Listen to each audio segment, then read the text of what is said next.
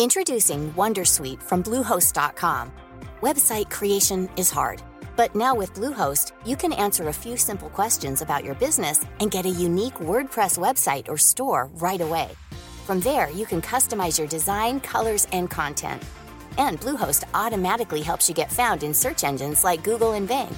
From step-by-step guidance to suggested plugins, Bluehost makes WordPress wonderful for everyone. Go to bluehost.com/wondersuite. A lot can happen in three years, like a chatbot may be your new best friend. But what won't change? Needing health insurance. United Healthcare Tri Term Medical Plans, underwritten by Golden Rule Insurance Company, offer flexible, budget friendly coverage that lasts nearly three years in some states. Learn more at uh1.com. The number one selling product of its kind with over 20 years of research and innovation. Botox Cosmetic, out toxin A, is a prescription medicine used to temporarily make moderate to severe frown lines, crow's feet, and forehead lines look better in adults. Effects of Botox Cosmetic may spread hours to weeks after injection, causing serious symptoms. Alert your doctor right away as difficulty swallowing, speaking, breathing, eye problems, or muscle weakness may be a sign of a life threatening condition. Patients with these conditions before injection are at highest risk. Don't receive Botox Cosmetic if you have a skin infection. Side effects may include allergic reactions, injection site pain, headache, eyebrow and eyelid drooping, and eyelid swelling. Allergic reactions can include rash, welts, asthma symptoms, and dizziness. Tell your doctor about medical history, muscle or nerve conditions including ALS or Lou Gehrig's disease, myasthenia gravis, or Lambert Eaton syndrome and medications, including botulinum toxins, as these may increase the risk of serious side effects. For full safety information, visit BotoxCosmetic.com or call 877 351 0300. See for yourself at BotoxCosmetic.com. Hej och hjärtligt välkomna till Teknikveckan denna måndag morgon. Ett måndagsavsnitt. Det är första gången, kanske någonsin. Med mig har jag Joakim Wernberg ifrån podden Berg och Wernberg. Hej! Eller är det Wernberg och Berg? Berg och Wernberg. Fast om du Han frågar mig den. kanske jag ska säga att det är tvärtom. Då. Just precis. Eh, Du är forskningsledare på, på Entreprenörskapsforum. Där fick jag det rätt. Jajamensan. Och, här, och vi ska ju inte prata om Entreprenörskapsforum eller er podd. Men det finns ändå lite frågor här.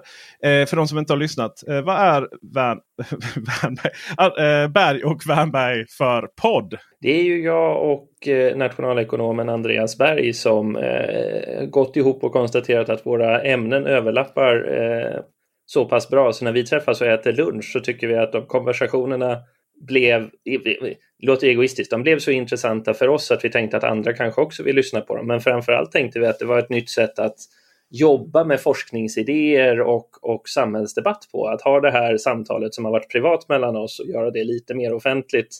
Vilket faktiskt har gjort att vi får en del mothugg ibland och vi får lite påhejning ibland och, och folk hör av sig som vi inte haft kontakt med förut. Så att högt och lågt kan man väl säga. Det som skiljer eh, dig och eh, Andreas i det här oj, våra samtal är så värdefulla. Alltså andra borde lyssna. Jämfört med ett par som har börjat podda under Corona. Är ju att ni har ganska så tydlig avstamp i vad faktiskt forskning är. Och Det är ju det jag tycker är lite spännande. Att det inte bara åsikter utan att vi faktiskt har läst ett och annat forskningspapper. Så är det. Det är, ju, det är ju det vi båda jobbar med. Och sen så kommer ju Andreas mycket mer från, han har ju en lång och gedigen erfarenhet på välfärdsfrågor och ojämlikhet och, och den typen av, av ekonomi eller nationalekonomi nära frågor medan jag har mina rötter i teknik. Eh, teknisk omställning eller strukturomvandling. Mm. Så att det finns ju gott om saker vi, vi behöver kika på. Sen får man väl villigt säga att vi har ju åsikter också, men vi, vi försöker ju hitta, hitta anledningen till att vi har dem eller basera dem på, på eh, forskning. Mm. Det är ju också ett ämne som jag tycker har utkristalliserats här, särskilt under Corona. Det här med att forskare som är forskare på ett ämne eh, både använder titeln och kanske en viss auktoritet för att ha åsikter om eh, någonting annat. Eh, och då tänker jag ibland så här, men om du nu är forskare och kan ditt ämne väldigt bra. Ofta är det ju så att man kan sitt ämne väldigt, väldigt, väldigt bra. Och sen så finns det andra som, som en annan som har lite, så här, lite aning om många ämnen. och så, Alltså typ journalist och sådär.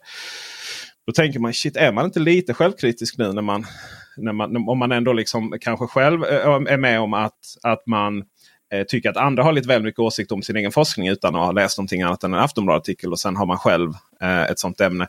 Eh, men det är faktiskt inte det vi alls vi ska, vi ska prata om. Utan vi, vi Men det var ett väldigt spännande ämne. Det kanske du får, Ja, du får bjuda in en gång till. Så, så, Ja, för jag oh, kommer genast att tänka det. på några saker jag vill säga. Men jag låter bli. Just det, vad bra, vad bra. Ja, vi försöker hålla det en halvtimme. Nej, men det är, det, det är ju så när man, när man väl kommer in i, i follan här, Teknikveckan, så kanske man aldrig kommer ut igen. Eh, Andreas Berg då, som vi har refererat till många gånger, han var ju med i avsnittet eh, om alla lånar pengar. Vem lånar man då pengar av? Ja, bra titel. Ja. Och svaret var ju då inte som jag trodde norska oljefonder. Utan det var ju eh, framtiden vi lånade av. Pensionsfonderna. Ehm, Entreprenörskapsforum, vad är detta? Det är ett fristående forskningsinstitut. Man kan tänka sig lite, eh, det är lite som en, en eh, institution eller avdelning på ett universitet fast du tar du behåller forskningsbiten eh, och kanske eh, gör den lite mer, lite större i arbetsbeskrivningen och sen så eh, byter du ut undervisningsbiten för alla, alla eh, forskare vi anställer på universiteten ska ju vara både lärare och forskare. Så lärarbiten byter du ut mot outreach eller tredje uppgiften, alltså kontakt med politiska beslutsfattare, näringsliv, bygga bryggor mellan forskare, politiker, eh, näringslivsföreträdare och framförallt se till att få in mer vetenskaplig evidens eh, i den aktuella debatten och skapa mer, mer forskning kring de forskningsfrågor som är brinnande just nu. Det är ju, lite sorgligt kan det ibland bli så att, att eh, gapet kan vara ganska långt mellan forskarna och eh, samhällsdebatten. Just det. Eh, höll jag på att säga, är det inte det man har informatörerna till sen där i mitten? Oj, nu får du bjuda in mig en tredje. Ja, Tre gånger du måste bjuda in mig som vi kan det går prata ju om. också att lyssna på er podd. det går ju också att lyssna på er podd om det avsnittet. Eh, som ni märker så jag, eh, jag, jag insin- insinuerade på Twitter att, att eh, alltså, för att ha allmän och lika rösträtt så måste man lyssna på P3 Dokumentär, P1 Medierna och Berg och Wernberg. Eh, Men inte Teknikveckan. Nej, men jag tänker att det, det, det tar för specialisterna att ta. Eh, Okej. så, ja. alltså, eh, man får ju ändå ha lite... Man måste ju ändå veta var man är någonstans. Placera sig i världen, liksom i viktighetsskalan. Då. Eh, Andreas Berg då, denna... Eh, ja, vad ska vi kalla honom? Eh, vi kan kalla honom det han är då. Forskare. Trevlig Ja. snubbe. Giganternas gigant. Ja, eh, lite torr ibland. Jaha. Eh, okej. Konstaterar jag att nej, så är det inte. Men tack för komplimangen. Eh, Jag tänker någonstans att jag vet inte om man ska ta det som en, en, eh, ett beröm eller en förolämpning eftersom det jämvikten någonstans är att vi är lagom ignoranta. För om alla skulle läsa in sig på precis allting då skulle inte en demokrati fungera. Nej. Men, men det kanske är så att jag och Andreas har en, har en sweet spot i att, att förmedla tillräckligt med kunskap för att säkerställa att man är trygg i sin ignorans. Jag vet inte. Just det, gud vad bra. Eh, men, men du inser nu att vi är inne på ett fjärde, fjärde avsnitt här, nämligen det avsnittet om teknokrati. Då, heter det va? Absolut. Ja, eh, men innan, innan vi avverkar de fyra avsnitten så ska vi prata om dagens ämne. Och det är lite av min favorit, nämligen Staffanstorp. Eh, lyssnare vet ju min, in- min åsikt om, om den politiska miljön där. Eh, och sådär och, och min hyllning av när, man, när ryssarna skickar en missil rakt in datacentret i Staffanstorp i boken eh, Honungsapan.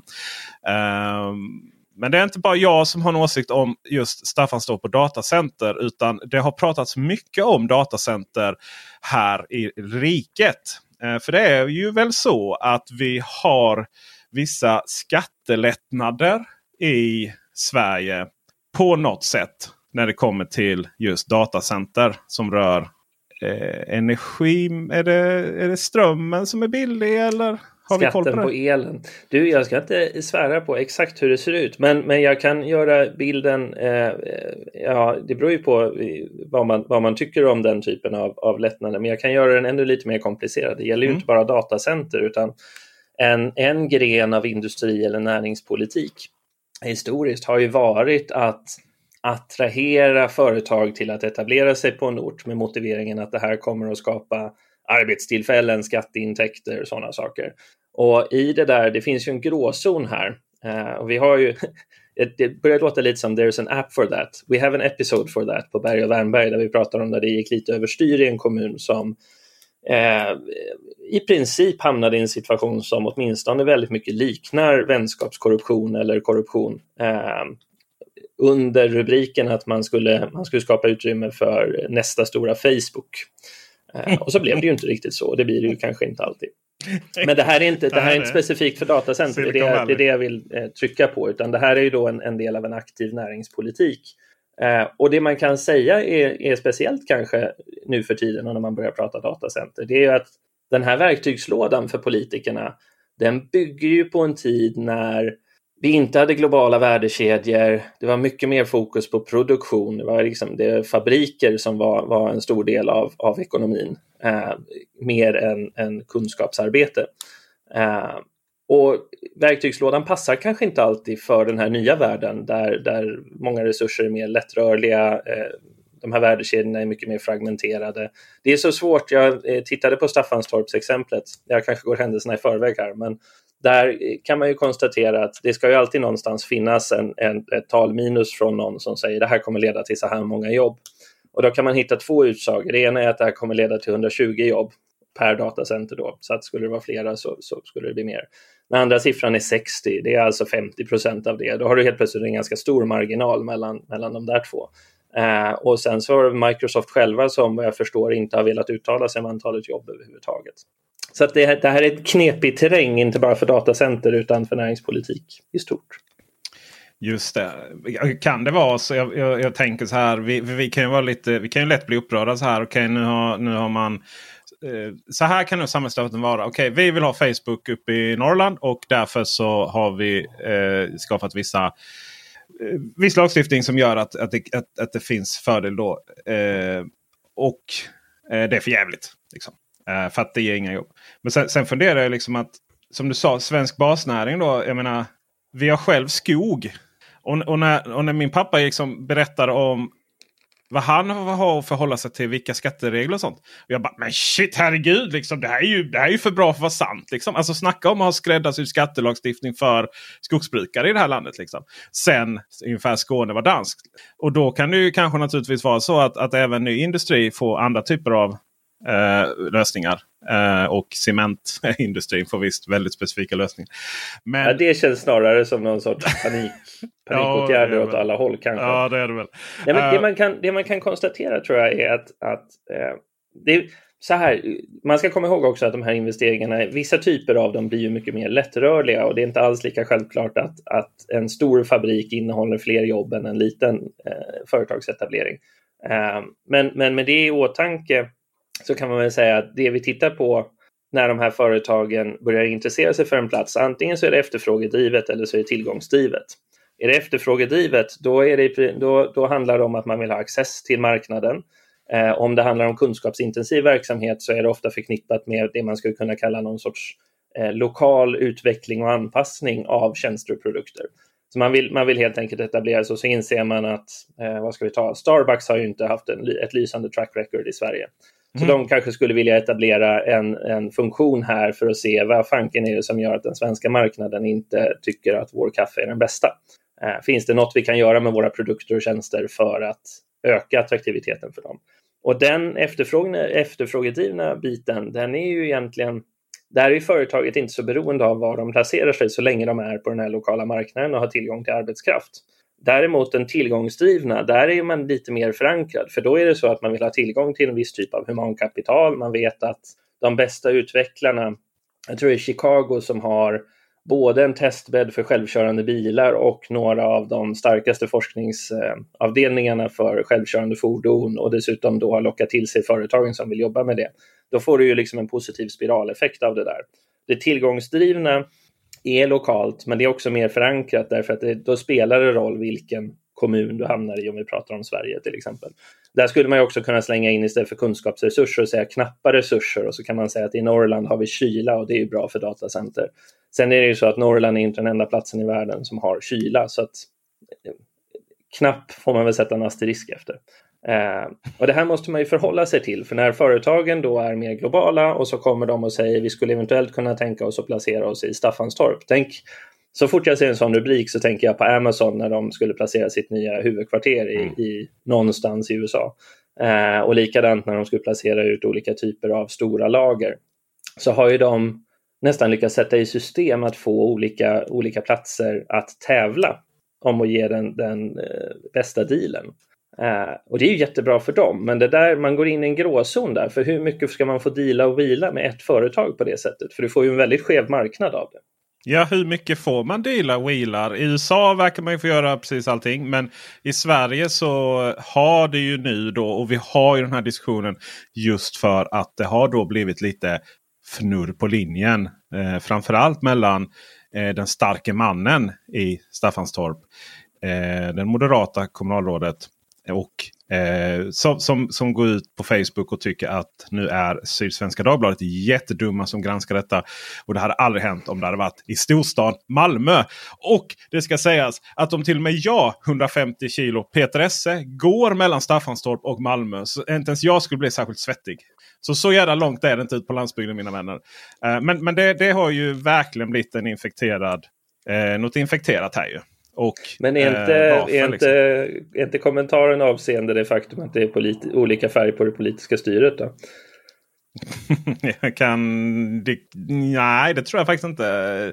Oavsett så kanske det inte spelar någon roll. Det kan nej. det vara. Jag tänkte inte ens så. Men... Jag tycker Staffanstorp ska oavsett vara väldigt glada att de ligger nära en storstad. För det är någonting man ser i forskningen så är det att, att den här typen, så fort det är kunskap, så här kan man säga, sådana här etableringar är mer värdefulla för oss om de är kunskapsintensiva. Och så fort de är kunskapsintensiva så hamnar de, om inte i en stad, så nära en stad. Och det har helt enkelt att göra med att de behöver, behöver lyckas attrahera den arbetskraften. Och det är svårt att, att sitta långt ut på vischan eh, och vara, vad ska man säga, frikopplad från stan eller en mm. urban region och sen attrahera topptalanger för att jobba med FoU-verksamhet. Så vad du säger är att om man har kyla i Norrland så har man Malmö i Staffanstorp. Hade vi haft ett datacenter i Staffanstorp om man inte hade haft närhet till Malmö och Lund och den kunskapen? Om För Staffanstorp inte... inte... hade haft kyla och inte hade haft... Men vi ska inte bara säga Malmö, jag skulle faktiskt också säga Köpenhamn. Och, ah, och mobiliteten, alltså flygplatser och tåglinjer. Mm, eh, för att det, det, är lätt att bli hemmablind och så säga att Malmö är storstan. Men, men den urbana regionen vi befinner oss i, Öresund, är väl snarare Köpenhamn egentligen. Så är det ju. Du har ju avslöjat innan att du är stockholmare i exil. Uh, ja. Men då, jag vet att du kanske inte riktigt har, har etablerat sig med det faktumet att vi de facto kallar Kastrup Malmö flygplats. Jo, jag har ju tidigare jobbat på Sydsvenska Handelskammaren där det här, ja. där det här är, är, Ska man göra en banderoll så kommer det stå någonting i stil med det på. på Absolut. Jag menar vår kollektivtrafik. Vi har ju har inte vi typ kortare med vår kollektivtrafik till Köpenhamn än vad danskarna själva har från, äh, till Kastrup. Än vad, än vad de har mellan Kastrup och Köpenhamn. Typ. Lite beroende på var man bor. Jag bodde i början precis vid nya triangelstationen ja. och, och flyttade, flyttade dit när den var nyinvigd och insåg när jag skulle flyga att jag kan sätta mig på, nu, nu får ni ju Stockholmslingot jag kan sätta mig på tunnelbanan och hamna på en flygplats på 20 minuter. Och det var ju, ja, det är ju rätt sweet. Utan att bli ruinerad också via Arlanda Express. Ja. Eh, som det hade varit. Eh, så. Men eh, okej, okay, för, att, för att, jag menar, det är ju inte så. Man har ju inte riktigt kyla i Staffanstorp. Eh, förutom möjligtvis det politiska klimatet. Men du har ju inte heller ström. Det är ju jättegrej. Vi, mitt i en diskussion om att vi har eh, strömbrist i, i eh, södra Sverige. Och vi har eh, problem med överföringen. Vi har problem med skyhöga eh, kostnader för ström här nere. Och eh, dessutom så har man då installerat, i och med detta, eller det har man väl alltid, mycket smutsiga dieselaggregat eh, på den här datacentret. Då, eh, ganska nära bebyggt område. Och bara det har ju blivit en, en stor grej. Och anledningen att man, att man använder smutsiga dieselaggregat istället för aggregat som inte är smutsiga. Det är då för att man inte då har samma garanterad upptid då på de här andra. Uh, så att eh, det, det, det, känns ju verkligen som att man att man, att man har liksom försökt skohorna in ett datacenter i södra Sverige i Staffanstorp. Och dessutom gjort det på ett sätt som har då skapat kontrovers nu genom att man från Staffanstorp kommun, alltså de som satt i byggnadsnämnden, godkände då byggnadslovet utan att veta vad det var som skulle byggas. Ja, det, det fanns väl flera. Jag försökte leta lite på just Staffanstorps eh, caset och hittade och där får man väl konstatera att det också det finns ju många starka åsikter eh, i de olika inlagorna. Eh, Men eh, eh, vad heter de nu då? Naturskyddsföreningen har ju anmält eh, Staffanstorp för att eh, ha avvikit från att vara en tillsynsmyndighet Jag har aldrig hört att man kunde göra, men det kan man tydligen. Och i den anmälan så finns det en tidslinje med referenser till olika mejlkonversationer, offentliga handlingar och, och diarienummer för handlingar. Så att den kan åtminstone ge någon sorts överflygning av alla de här frågorna.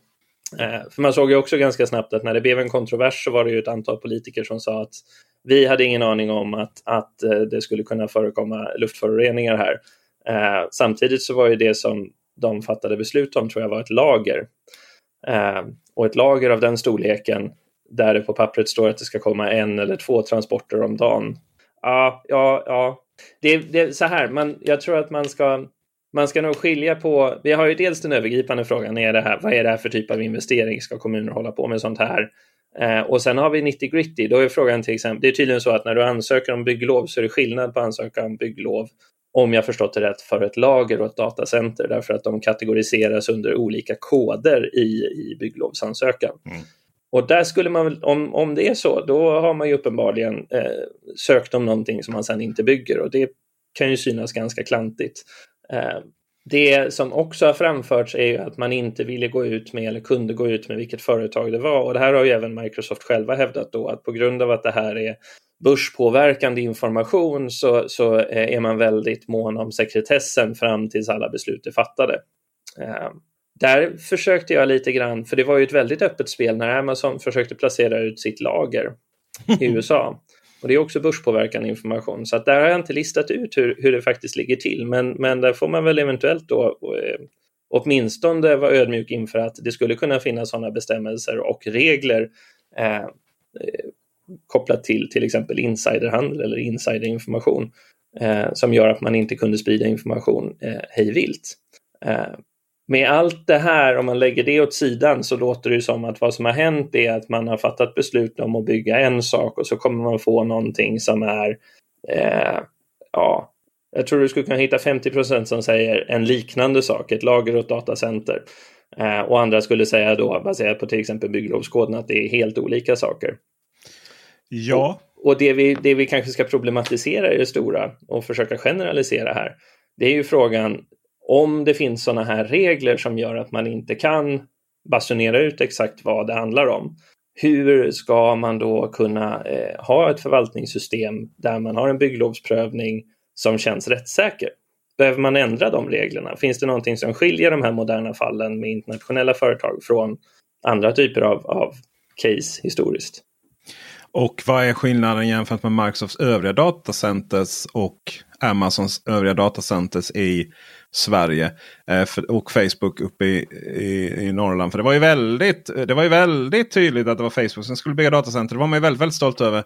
Medan här då, är det då har det varit ett mer hemlighetsmakeri. Eller är det ingen skillnad? Utan enda anledningen att vi känner till eller att jag känner till att det har blivit så här. Det är helt enkelt för att jag är skåning och läser media i Skåne. Vet vi, vet vi att det var utbasunerat om Facebook i Norrland så, så lång tid i förväg som man har diskuterat här? För det var väl ett, ett och ett halvt år man höll på att förhandla. Säkert inte. Säkert innan man inte. satte spaden i marken. Det ska inte jag svära på. Nej, uh. det, ju, det, kan ju ofta vara så att, att det händer mycket som man inte känner till. Uh, så. Men uh, vi får väl ändå diskutera det vi känner till. Och det som det, det, det är så många det är så sammantaget här. Och vi, vi ska väl nästan försöka få ner kärnan då. Vad det är vi, som du sa, vad är det vi problematiserar. Men om, man, om man tar alltihopa då så helt enkelt så har det varit ett bygglovsprocess som har varit hemlig. Där politikerna inte har vetat vad de har röstat ja till. Eh, det har varit mycket hemliga möten med just kommunalrådet eh, Christian Sonesson. Och det har varit eh, och en ganska aggressiv ton ifrån honom när det har ifrågasatts. Och det känns lite oprofessionellt. Eh, särskilt om man då bor och dessutom känner många och är gift med människor som jobbar inom Malmö stad. Där det är väldigt tydliga processer ofta. Och dessutom så har man smusslat in då att det är miljöskadlig verksamhet Eh, och det, dessa eh, miljöfarlig verksamhet då eh, det har kommit i efterhand och det har varit lite eh, överprövningar. Om det har varit, eh, det har varit ansökan till Länsstyrelsen på 460 sidor. Så ingen, ingen rikt, alltså man har tröttat ut. Alltså det känns som att det har varit en kampanj. Och då tänker jag så här. Om, säg att det är 90 medarbetare. Då. Om det är inte 120 det är inte 60 utan det är 90 där mittemellan. Det är väldigt mycket politisk prestige och eh, miss... Vad ska man säga. man förlorar både politisk prestige i stora hela. Man förlorar förtroendet från ett gäng eh, grannar eh, i en ganska liten kommun. Hur viktigt är det här datacentret för Staffanstorp? Det är en bra fråga. Det där är ju, om jag har förstått processen rätt så har man ju haft, och där, där får man väl titta lite på när saker har skett i tiden. Man ska ju haft något sorts informationsmöte med grannarna. De här dieselaggregaten verkar ju också vara ytterligare en infekterad debatt. Eh, och det är ju som du säger, det har ju med upptiden att göra, att ett datacenter måste ju, måste ju vara uppkopplat. Eh, det finns ett antal saker där som jag tror att de...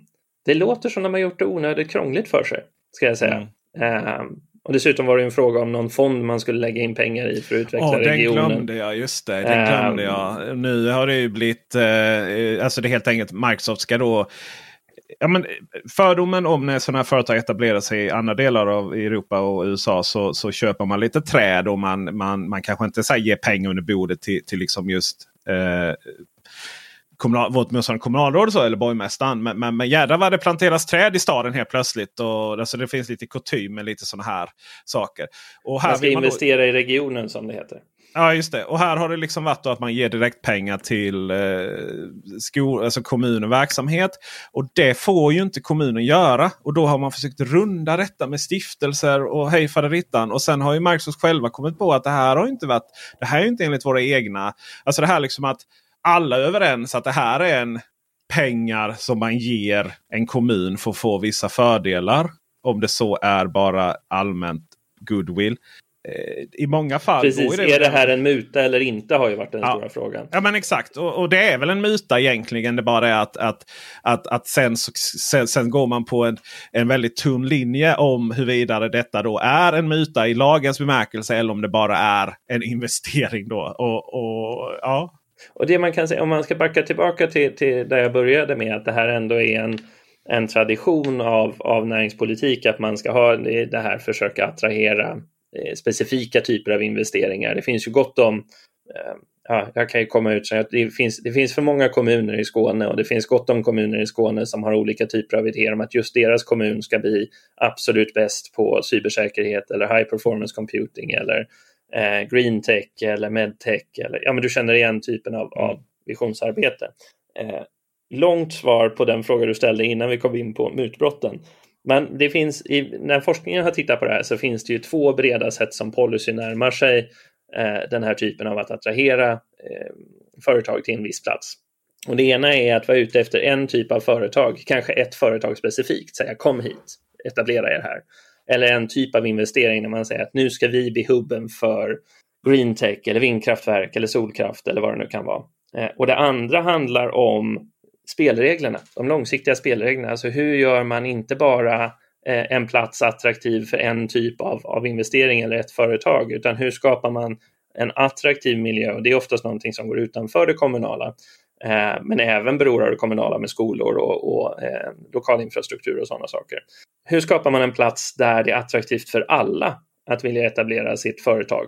Det kommer ju mm. finnas skillnader mellan branscher, men, men du förstår vad jag menar, en, mm. en bred palett istället. Och, och, forskningen är ganska samstämmig på detta. Att det är de generella spelreglerna som spelar roll. Det andra är som bäst ett komplement. Det är liksom sugar on top.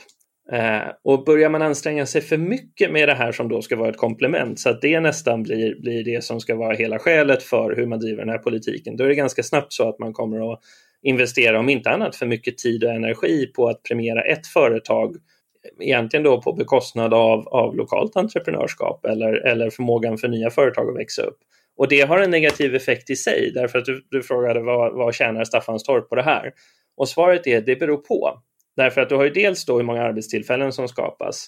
Eh, jag har varit med i en grupp som har skrivit en rapport för tillväxtanalys om, om eh, den här typen av investeringar, stora kunskapsintensiva investeringar. Och där konstaterar vi att när man då pratar om att något är en stor investering, det måste vara stor i förhållande till någonting.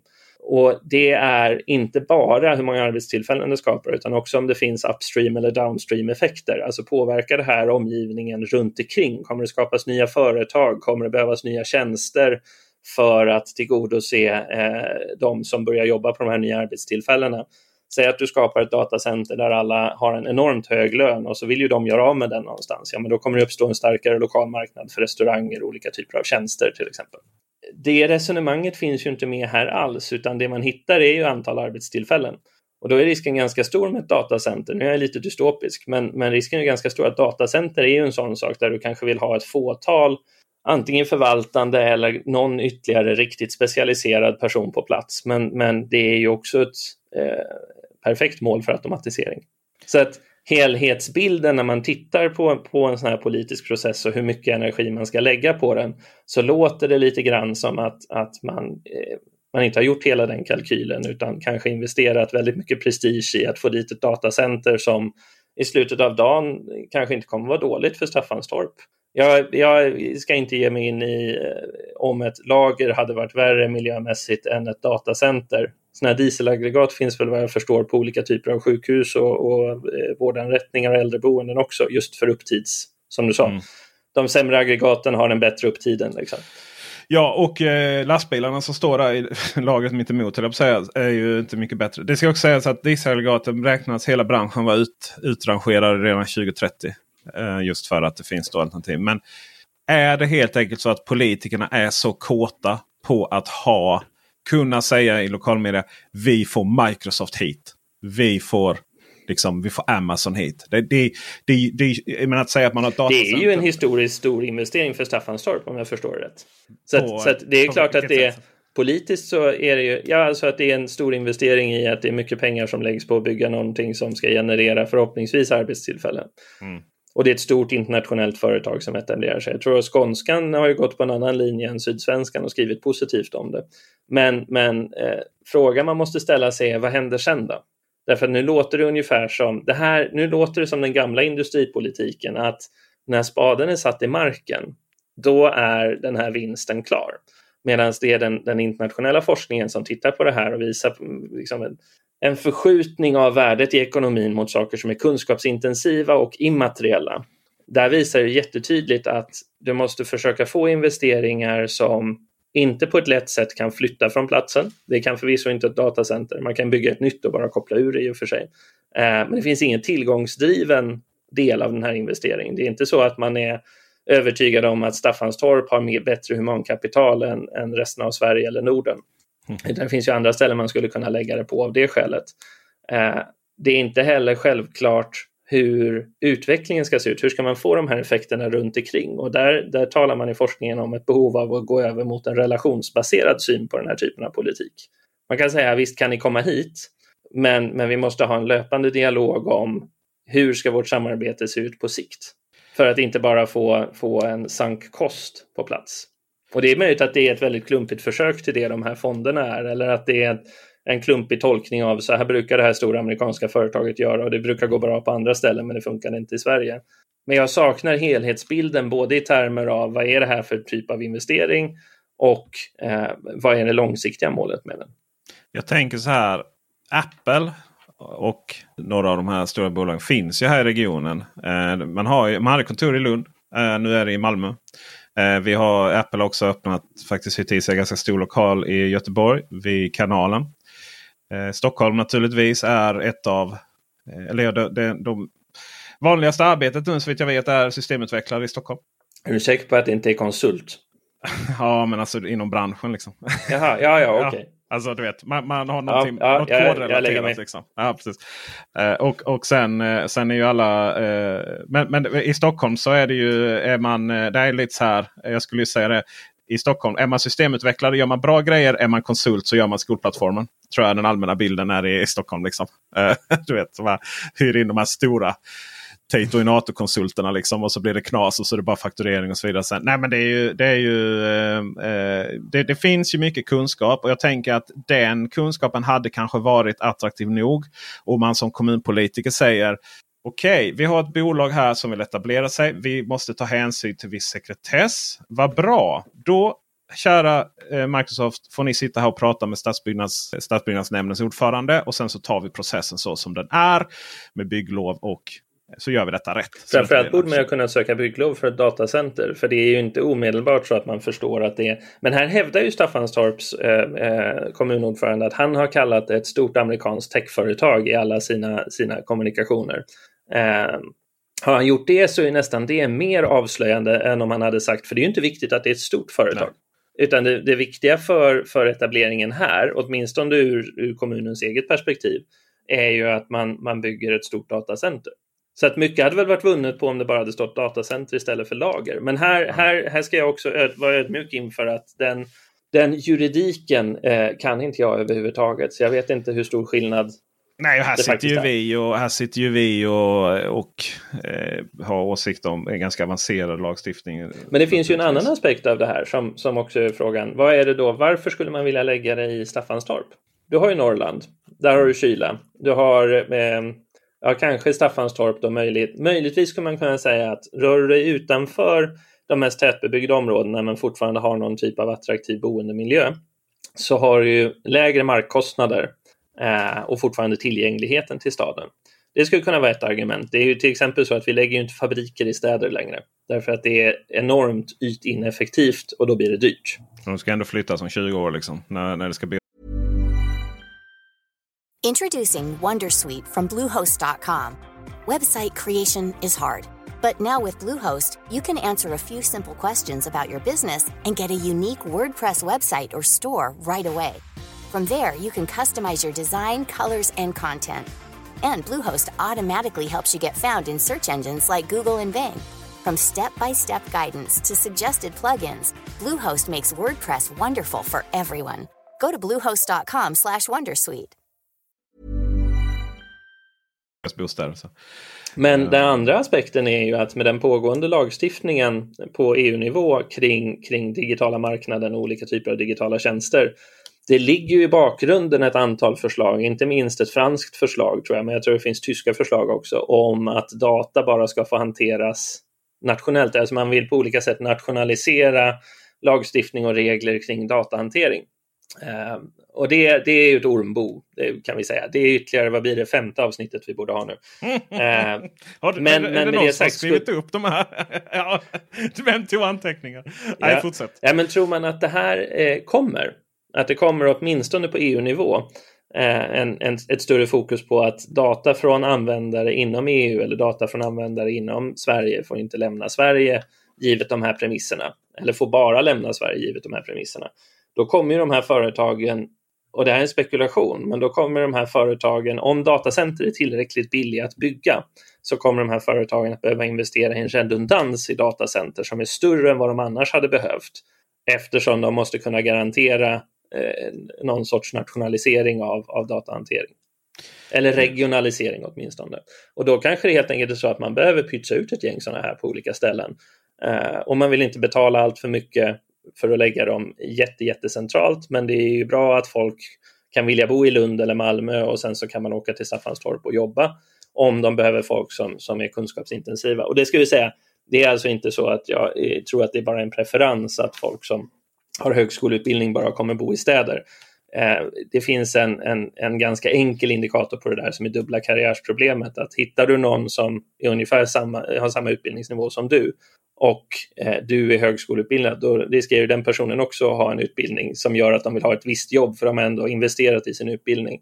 Två personer med olika utbildningar ska hitta jobb. Då helt plötsligt så behöver de en tätare arbetsmarknad mm. och då kommer de att röra sig mot städerna.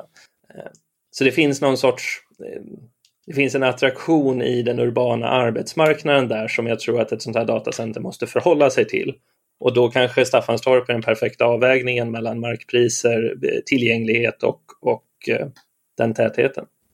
Så är det. Och sen finns en annan grej med Staffanstorp också som är eh, känd inom framförallt då Malmö stad. Och det är ett problem.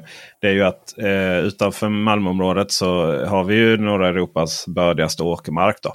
Mm. Och eh, I Malmö förtätar man ju. Man bygger på höjden. Man, man hittar, jag tror till och med var det MKB som försökte prångla in ett hus i en, i en hundrastgård en gång borta vid Möllan. Eh, och, eh, och sen låter man faktiskt eh, åkermarken vara den lilla åkermark man har. Man köpte upp massa åkermark eh, för, bygga, för i framtiden kunna bygga yttre ringleden. Men, men utöver det så man, man, man har arrende ut på det liksom, och så får det vara.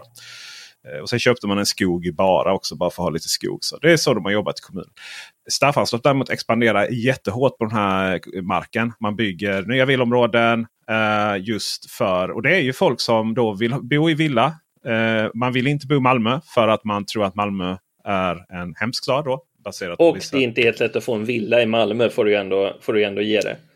Och just av den anledningen att, att Malmö inte bygger nya villor, villamattor, så är det faktiskt nästan omöjligt att få en villa i Malmö. Precis som du säger, om man inte då redan eh, har... Och så här ser det ut i jättemånga regioner. Men det är klart att det, det du är ute efter här, det är ju egentligen anledningen till att vi inte är, utan att vara säker på vad, man, vad, vad en sån kommun hade landat i. Men om vi inte hade haft 33 utan tre kommuner i Skåne så hade vi ju haft en större, eh, då hade man ju haft en större helhetssyn Mm. på hur man använder land. Men, men det är mönstret att du har någon sorts sub suburban sprawl, alltså att under när man, man eh, när, när, när människor bildar familj så vill de ha lite större eller ha en trädgård och så flyttar de utanför staden.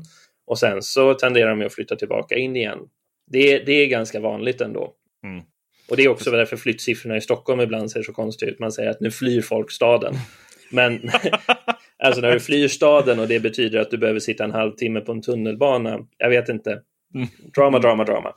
Ja visst, visst, gud ja. Eh, men vad, vad trevligt. Eh, vi kan väl konstatera här, eh, den springande punkten här, att det inte är helt tydligt vad som de här datacentren innebär. Och det är en problematik att etablera dem. Eh, det vill säga krocken mellan vad stora företag behöver och eh, små kommuner kan eventuellt i sin iver att få de här stora bolagen sätta sig en position då det blir i alla fall minst sagt lite förvirring om exakt hur turen har varit. Och, och vi vet ju i det här fallet. Det är det som är, och det är ju ett problem i sig. Det hade ju behövt finnas en, en process som var så transparent att oavsett om, om det finns bäring i Sydsvenskans granskning eller inte så ska den granskningen knappt behövas därför att det ska vara lätt att följa en sån här process. Man ska inte behöva leta efter, efter eh, eller begära ut handlingar. Det borde vara ganska enkelt att se det. Men, men det man kan säga också är ju att ska man ha, jag tror inte datacenter är dåligt, men, men jag tror att man kan göra som kommun kan man hantera en investering i ett datacenter både inför, vilket är det vi har pratat ganska mycket om, men också efter the fact, after the fact eh, på ett bra eller dåligt sätt. Och jag saknar helt den här diskussionen om vad är, vad är den här investeringen en, en större del av? Hur ska det här hänga ihop med en, med en Skånes eller Staffanstorps utveckling på längre sikt? För det är då du måste ju ställa vad har du investerat i att få investeringen mot vad förväntar du dig att få ut av den? Och hittills har vi bara sett det här 60 jobbtillfällen, eh, arbetstillfällen eller 120 arbetstillfällen. Det är ju, man kan ju också fundera lite om man använder den här marken, då, den här fina åkermarken till att bygga en modern företagsby som, som tar vara på den forskningen. Hur, hur kanske då, det vill säga eh, att det framöver eh, är så att man inte åker in till städerna varje dag och jobbar i sina kontor utan man har lite satellitkontor och sådär. Frågan är hur många arbetstillfällen det hade varit då. Eh, och sådär. Eh, men det är frågor vi inte ska svara på idag. Utan, eh, nu, då. Nu är, vi, nu är vi klara.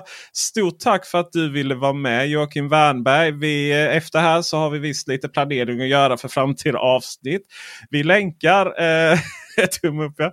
Vi länkar eh, de här artiklarna i Sydsvenskan. Det är betal eh, på dem. Och där har vi ett sjätte avsnitt. Ja. Eh, vi, vi, vi var faktiskt Men länka in eh, Naturskyddsföreningens tidslinjedokument också. Mm, Naturskyddsföreningen och naturligtvis också och länka kommunens till... svar. Just det. Och eh, länka till podden Berg och Wernberg. Där tror jag jag fick till det utan att stamma på namnet. Eh, den, den är så otroligt bra. Eh, så att det gör mig glad att höra. Du ska få en annan länk också. Det är den här rapporten vi skrev. Om man nu, eftersom jag tillhör dem som tycker att det är bra om man får med lite forskning in.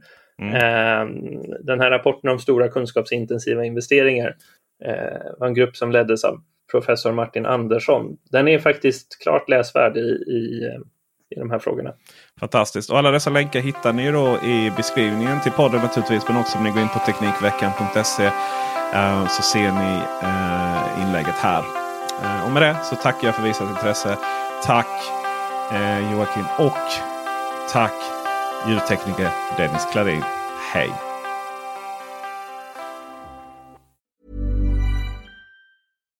The number one selling product of its kind with over 20 years of research and innovation. Botox Cosmetic, Autobotulinum Toxin A, is a prescription medicine used to temporarily make moderate to severe frown lines, crow's feet, and forehead lines look better in adults. Effects of Botox Cosmetic may spread hours to weeks after injection, causing serious symptoms. Alert your doctor right away as difficulty swallowing, speaking, breathing, eye problems, or muscle weakness may be a sign of a life threatening condition. Patients with these conditions before injection are at highest risk. Don't receive Botox Cosmetic if you have a skin infection. Side effects may include allergic reactions, injection site pain, headache, eyebrow and eyelid drooping, and eyelid swelling. Allergic reactions can include rash, welts, asthma symptoms, and dizziness. Tell your doctor about medical history, muscle or nerve conditions including ALS or Lou Gehrig's disease, myasthenia gravis, or Lambert-Eaton syndrome and medications, including botulinum toxins, as these may increase the risk of serious side effects. For full safety information, visit BotoxCosmetic.com or call 877-351-0300. See for yourself at BotoxCosmetic.com.